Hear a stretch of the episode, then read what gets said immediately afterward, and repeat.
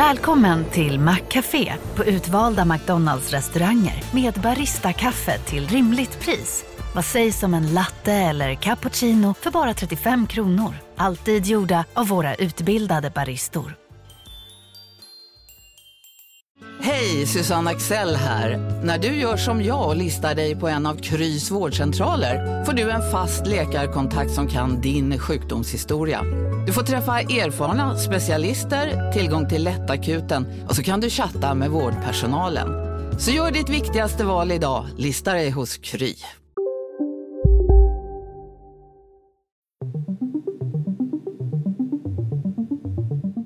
När Satoshi Nakamoto 2009 presenterade sitt White Paper, det dokument som la grunderna för bitcoin, så var det under namnet A Peer-to-Peer Electronic Cash System.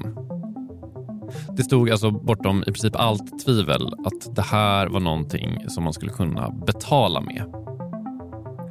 Sedan dess har bitcoin använts till många saker men det är inte betalningsdelen som är det som har gett det mest uppmärksamhet. Istället är det valutans egenskap som just valuta och möjligheten att valutaspekulera som har gjort att många fått upp ögonen för den. Bitcoin har använts som någon slags aktie vars syfte är att stiga i värde. Men den har också lyfts för sin värdebevarande funktion. Man har kallat det för ett digitalt guld. Och för att förstå om det kommer fortsätta vara så här, eller om bitcoin och andra kryptovalutor kommer att användas till betalningar, så har jag vänt mig till Oskar Broberg, docent i ekonomisk historia vid Göteborgs universitet och till Magnus Willesson. Magnus är eh, också docent och universitetslektor vid företagsekonomiska institutionen på Göteborgs universitet. Och mycket av hans forskargärning har ägnats åt just betalningar. Vad en betalning egentligen är och hur den fungerar. För när man tittar på det här så går frågan om vad en betalning är ihop med frågan om vad pengar är. Genom århundraden har vi haft många olika typer av pengar som har förändrats och anpassats efter den verklighet vi lever i. Men det är också så att pengar och betalningar har innoverats och blivit säkrare. Vad som är en betalning har ofta varit det som på ett effektivt sätt har kunnat besvara frågan hur kan vi göra en säker överföring? Kanske är det på det sättet som kryptovalutor kan bli en del av framtidens betalsystem.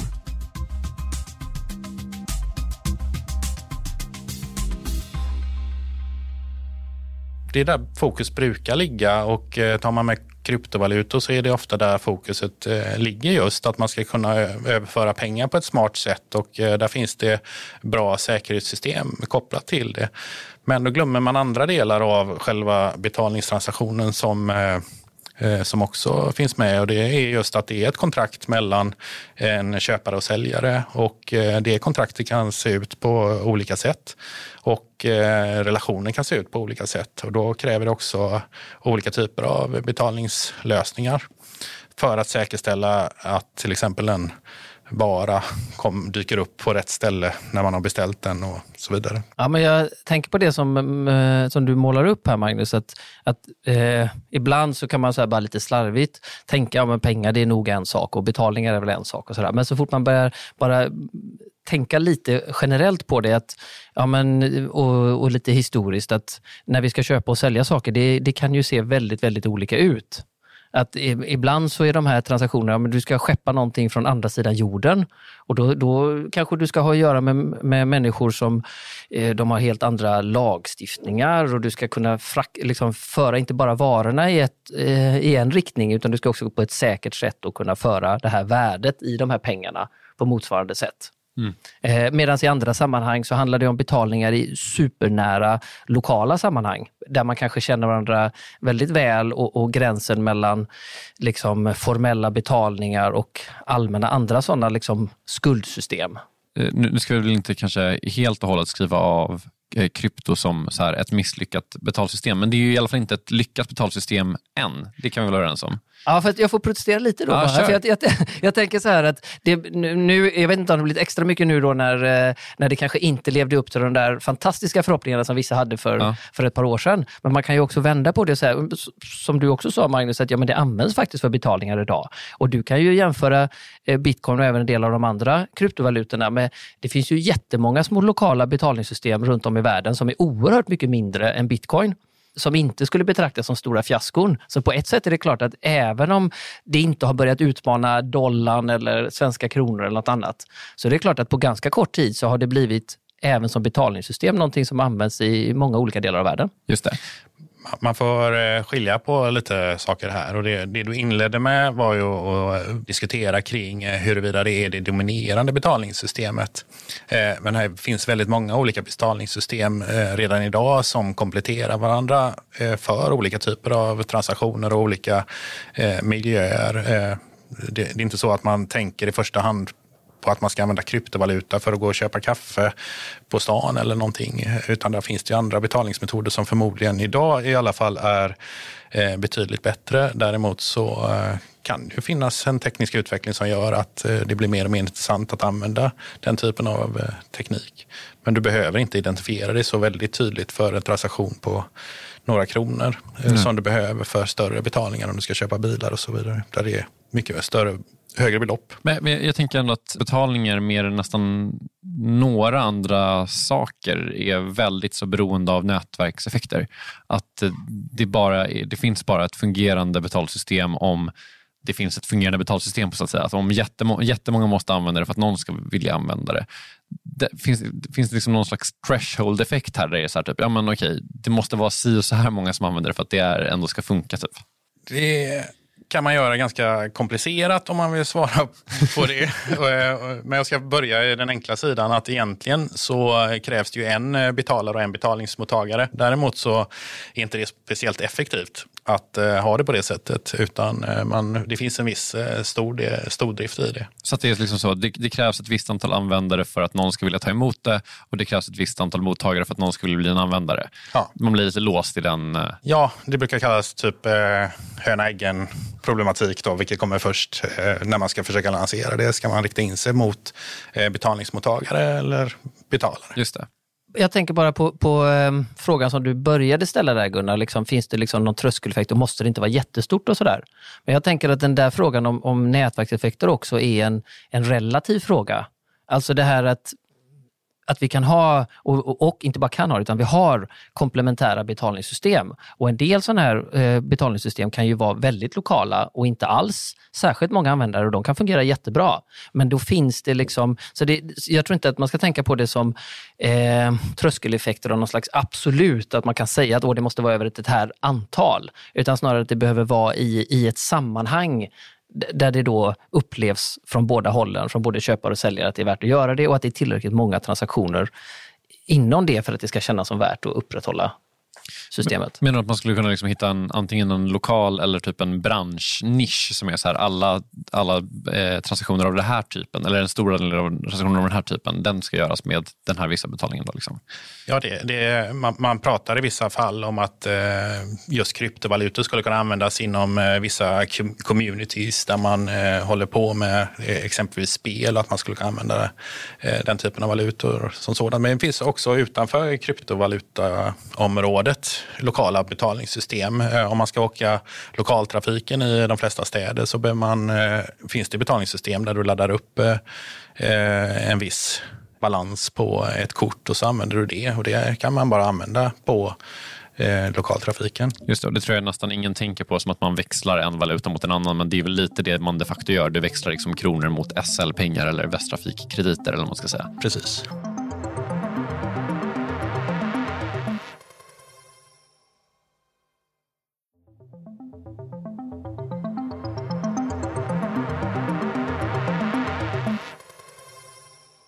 Jag tänker att om vi eh, vänder blicken lite eh, framåt och, och pratar om kanske så framtidens betalningar så är det någonting som kryptovalutor eh, eh, har gjort anspråk på att vara eh, en, en del av.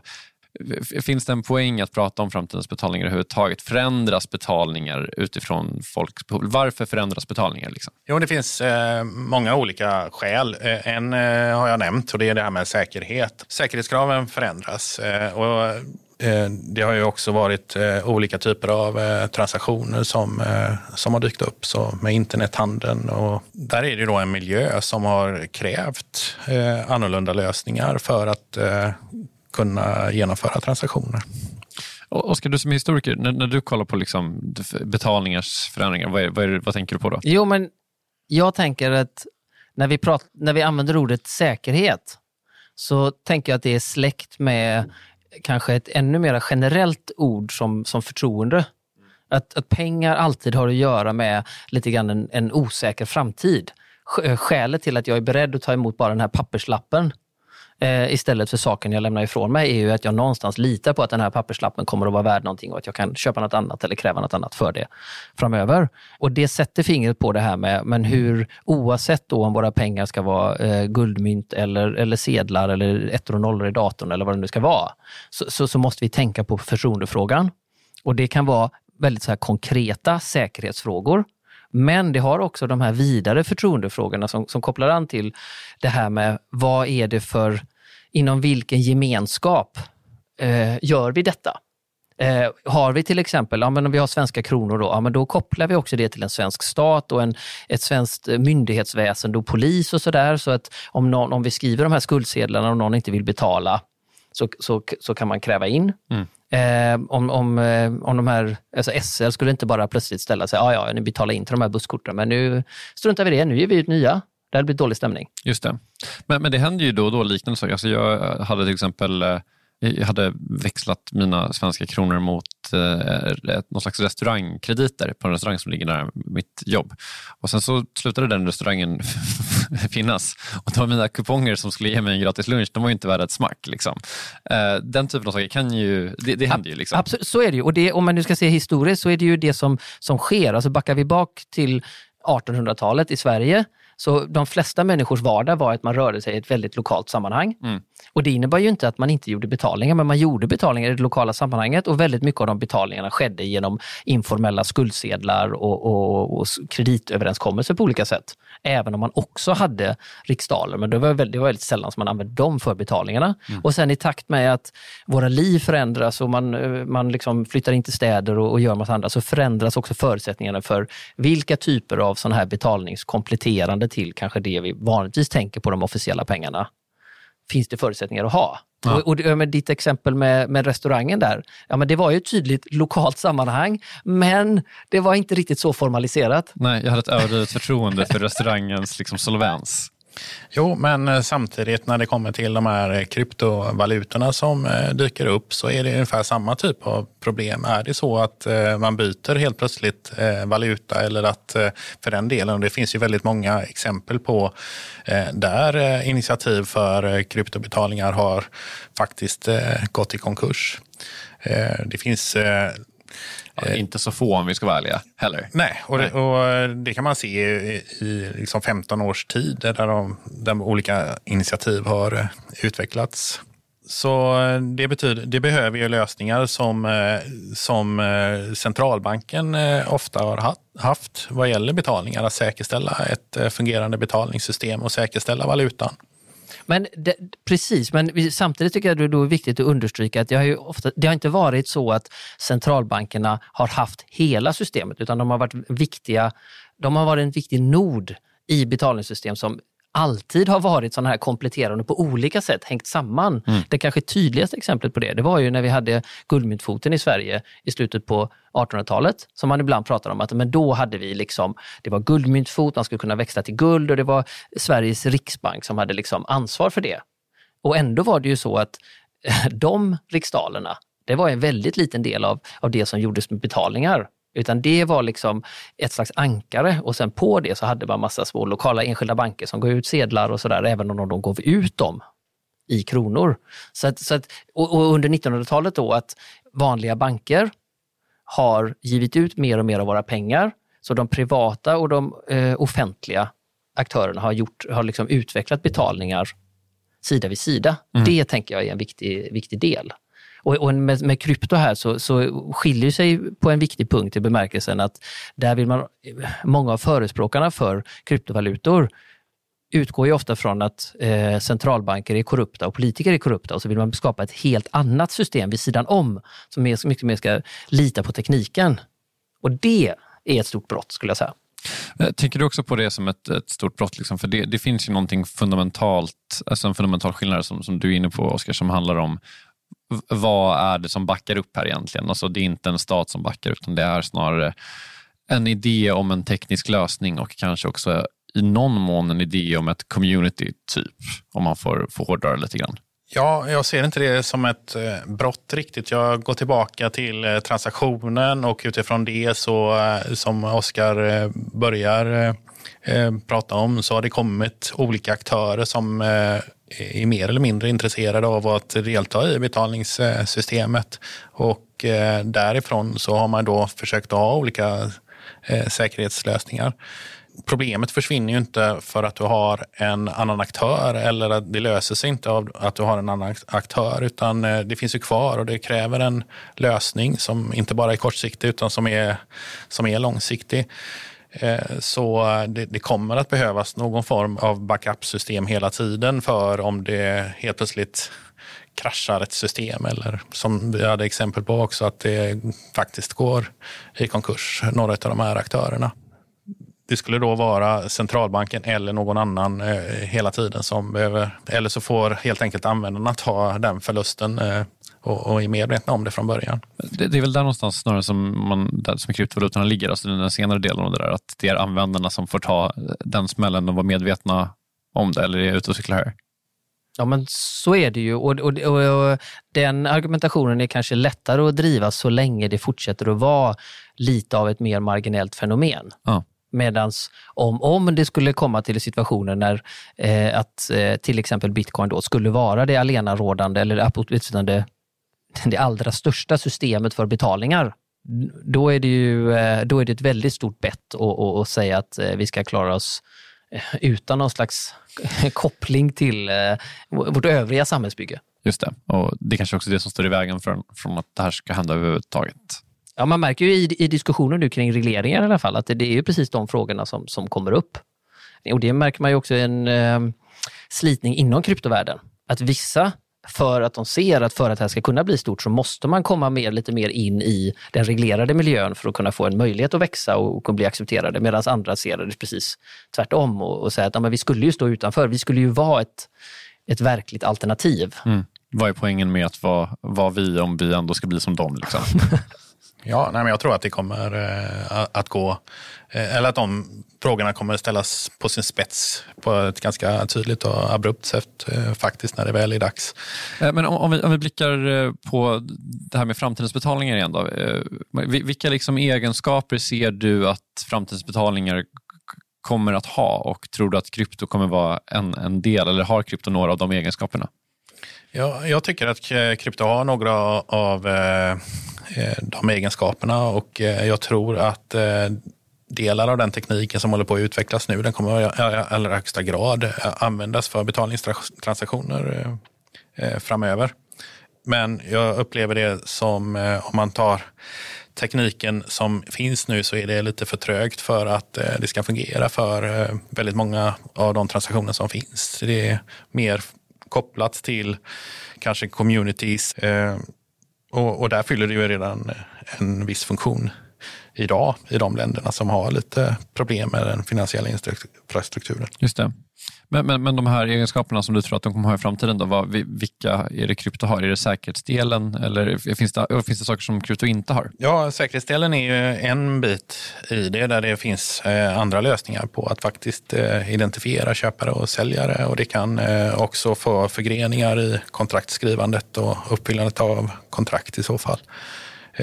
Men samtidigt så är en relation mellan köpare och säljare, inte bara en betalningstransaktion och eh, det kräver en infrastruktur runt omkring som inte bara handlar om transaktionen.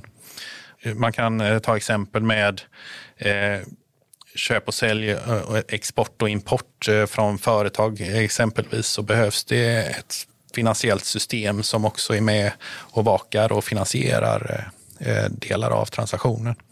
Och här finns det ju idag inga möjligheter att hedga valutorna på något sätt för den typen av transaktioner utan man tar en väldigt stor eh, finansiell risk om man är involverad i, eller om man tar, tar betalt eller betalar med eh, kryptovalutor.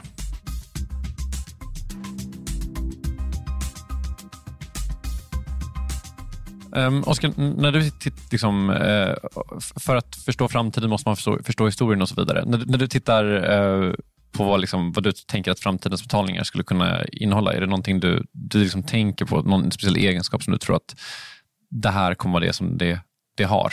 En aspekt av liksom kryptovalutor som jag tycker är spännande, det är ju det här att, att man faktiskt kan få in mer information i betalningar.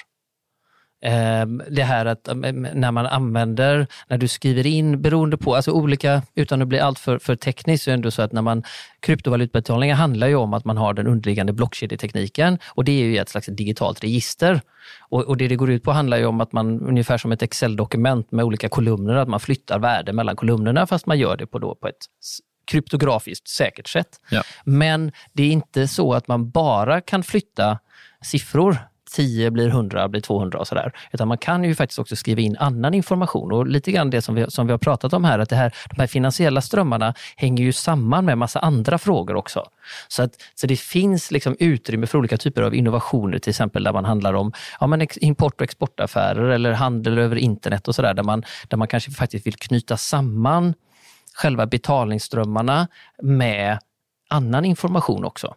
Och då, då kan man få med det i, i blockkedjan. Det blir ganska, det kan vara ganska, då kan du snarast skräddarsy lösningar. Så att, men en bit av det här, en förhoppning är ju att ja, det här ska kunna bli ett, ett väldigt allmänt, globalt, tekniskt eh, system som bara ska kunna sprida värde. Ja. Det är liksom en, en tanke. Men en annan tanke handlar om att, att man mer ska kunna skräddarsy en typ av en slags pengar. Och, och, och för att och tänka mer om det om framtiden, jag är ingen så visionär, men, men det är inte, man behöver inte vara alltför visionär för att se, bara titta på, på ens barn, hur mycket mer de och vi lever digitalt. Eh, för att också se att de här värdena, de, vi, vi flyttar inte bara värden digitalt, utan värden är i det digitala, i dataspelen som vi har pratat om till exempel. Jo, men jag, jag håller med eh, och det är lite det jag menar med att eh, senare teknisk utveckling kommer att eh, gå åt lite andra eh, riktningar än vad vi tänker kring betalningar idag. Och det är snarare det systemet som snappar upp det oavsett om det är utveckling av nuvarande system. Eh, det finns ju exempel på eh, eh kronor eller eh, centralbanksvalutor som Eh, Eh, som man kan knyta till eh, digitala betalningar och eh, för den delen bankrelaterade betalningar som kan koppla det till både inlåning och till krediter så, så handlar det om ganska så bred finansiell infrastruktur som i så fall integreras i, i de här systemen eller vice versa. Men, men vad är det man tänker då rent konkret? Alltså hur, vad, vad är en sån liksom integrerad lösning? Finns det något liksom konkret exempel på, det, på en sån? Om vi tar ett eh, dataspelsexempel, så, så, så, är det att, det att det kopplar ihop att eh, en person som vill spela spelet är beredd att liksom betala för det. Men inuti spelet så skapas situationer som blir värdefulla. Man får tag på något, eh, eh ett nytt skin till sin figur eller ett nytt vapen eller vad det är. Så här. Och den, den har ett värde för spelaren det här värdet kan förflytta sig utanför spelet om vi har en teknisk lösning som gör att man kan sälja det i spelet och den här spelvalutan, om den sen på ett enkelt sätt går att ta ut ur spelet. Men det kräver ju inte bara att du kan växla själva pengarna, utan det kräver också en teknisk lösning att den här digitala varan, det här skinnet eller vapnet eller vad det nu än är, du äger en virtuell fotbollsstadion med det nya fotbollsspelet. Ja. Då måste den informationen också på ett säkert sätt förvaras. Det måste finnas en fotbollsstadion fastighetsmarknadsbörs typ.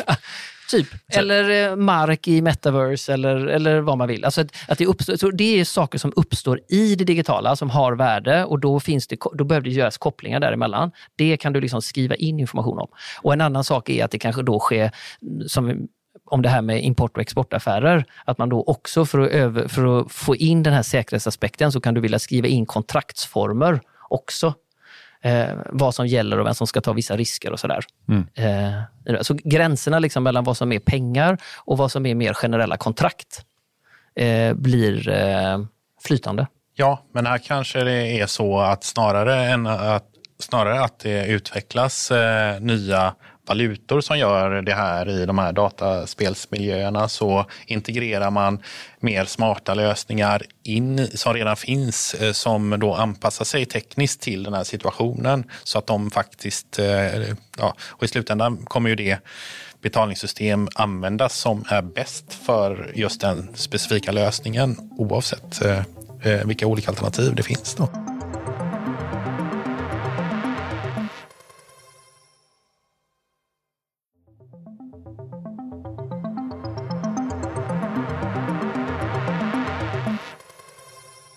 Men eh, okej, okay, om man ska liksom summera lite de eh, pros and cons som har lyfts här kring eh, kryptovalutor i bred bemärkelse del av eh, någon slags framtidens betalningssystem så, så är det okej okay att summera det som att det finns säkerhetsaspekter som man tror, eller ni tror kanske kommer eh, vara en del av någon slags framtida betalningssystem. Eh, det kan finnas informationsaspekter men det finns också säkerhetsaspekter som ligger emot, alltså, eller snarare förtroendeaspekter som ligger mot eh, kryptovalutor. Är det en okej summering? Eh, ja, och så komplettera med nätverkseffekter och mm. utvecklingen eh, kopplat till eh, användarkategorierna också. Betyder det här, Magnus, att du tänker att det finns en, en någon slags eh, framtida medelväg här som är centralbanksutgivna digital currencies, alltså eh, någon slags eh, blandning mellan traditionella pengar och kryptovalutor? Att det skulle vara knutet till eh, centralbanksvalutor, det löser en del av eh, problemen just med eh, säkerheten och framförallt säkerställa värdet över tid. För där har ju centralbanken en tydlig roll. Men det finns lite andra aspekter som kan vara bra att ha med sig och diskutera och det är just det finansiella systemets funktion. Om det är så att betalningssystemet tas över helt av Eh, centralbanker. Sedan länge så har bankerna varit en stor del i eh, betalningssystemet och eh, det skulle i praktiken bli en, ett skifte åt att centralbanken tar ett större ansvar för den delen. Och det behövs fortfarande banker, inbillar jag mig, eh, i framtiden för att eh, kunna förmedla olika typer av riskinstrument och eh, riskhanteringsinstrument och krediter och tillgångar mellan olika aktörer. Så det är inte bara ett enkelt svar på den frågan heller, Nej. om man ska se det lite bredare. Ja, det är också ungefär 100 000 mil från någon slags originaltanke kring vad kryptovalutor skulle göra och uppnå. Hur troligt tycker ni att det är att det som vi idag definierar som liksom vagt kryptorelaterad teknik eh, kommer vara en del av framtidens betalningar? Nej, men jag, jag är övertygad om att eh, utvecklingen av kryptobaserade eh, betalningar kommer att gå eh, åt ett håll som gör det mer och mer effektivt att använda den typen av teknik. Och eh, därför kommer det också att vara användbart. Men eh, det krävs ytterligare teknisk utveckling Eh, för att det ska bli så användbart att det konkurrerar ut en stor del av de andra transaktionerna. Alternativt att eh, helt enkelt eh, kortbetalningar av olika slag som redan har en stor användargrupp eh, utvecklar den tekniken för att använda. Men det, det är långt i framtiden kanske. Ja, men jag tror att det är i linje med det. Jag tror att det är hyfsat troligt att det kommer att vara en del av just ett sånt kompletterande system som vi alltid har sett genom historien finns. Och hur stort och kompletterande det kommer att bli, det tror jag kommer också kommer att vara avgörande av geopolitiska faktorer. För att någonstans så är det ändå så att de systemen som vi använder mest idag, de är kopplade till någon slags antingen centralbankskontroll eller affärsbankskontroll där länder som eh, Eh, USA, regioner som EU eh, känner att man ändå har kontroll. Och en del av det här med, med krypto bygger ju på att man på något sätt skulle ersätta det med någonting annat. Och om krypto kommer att upplevas som ett, liksom ett, ett hot mot det mot, och att man då skulle byta till någonting som man inte riktigt vet vad det är och som, som eventuellt skulle försvagas, så, så tror jag att eh, den politiska dimensionen kan man inte, eh, den kommer att finnas med i ekvationen.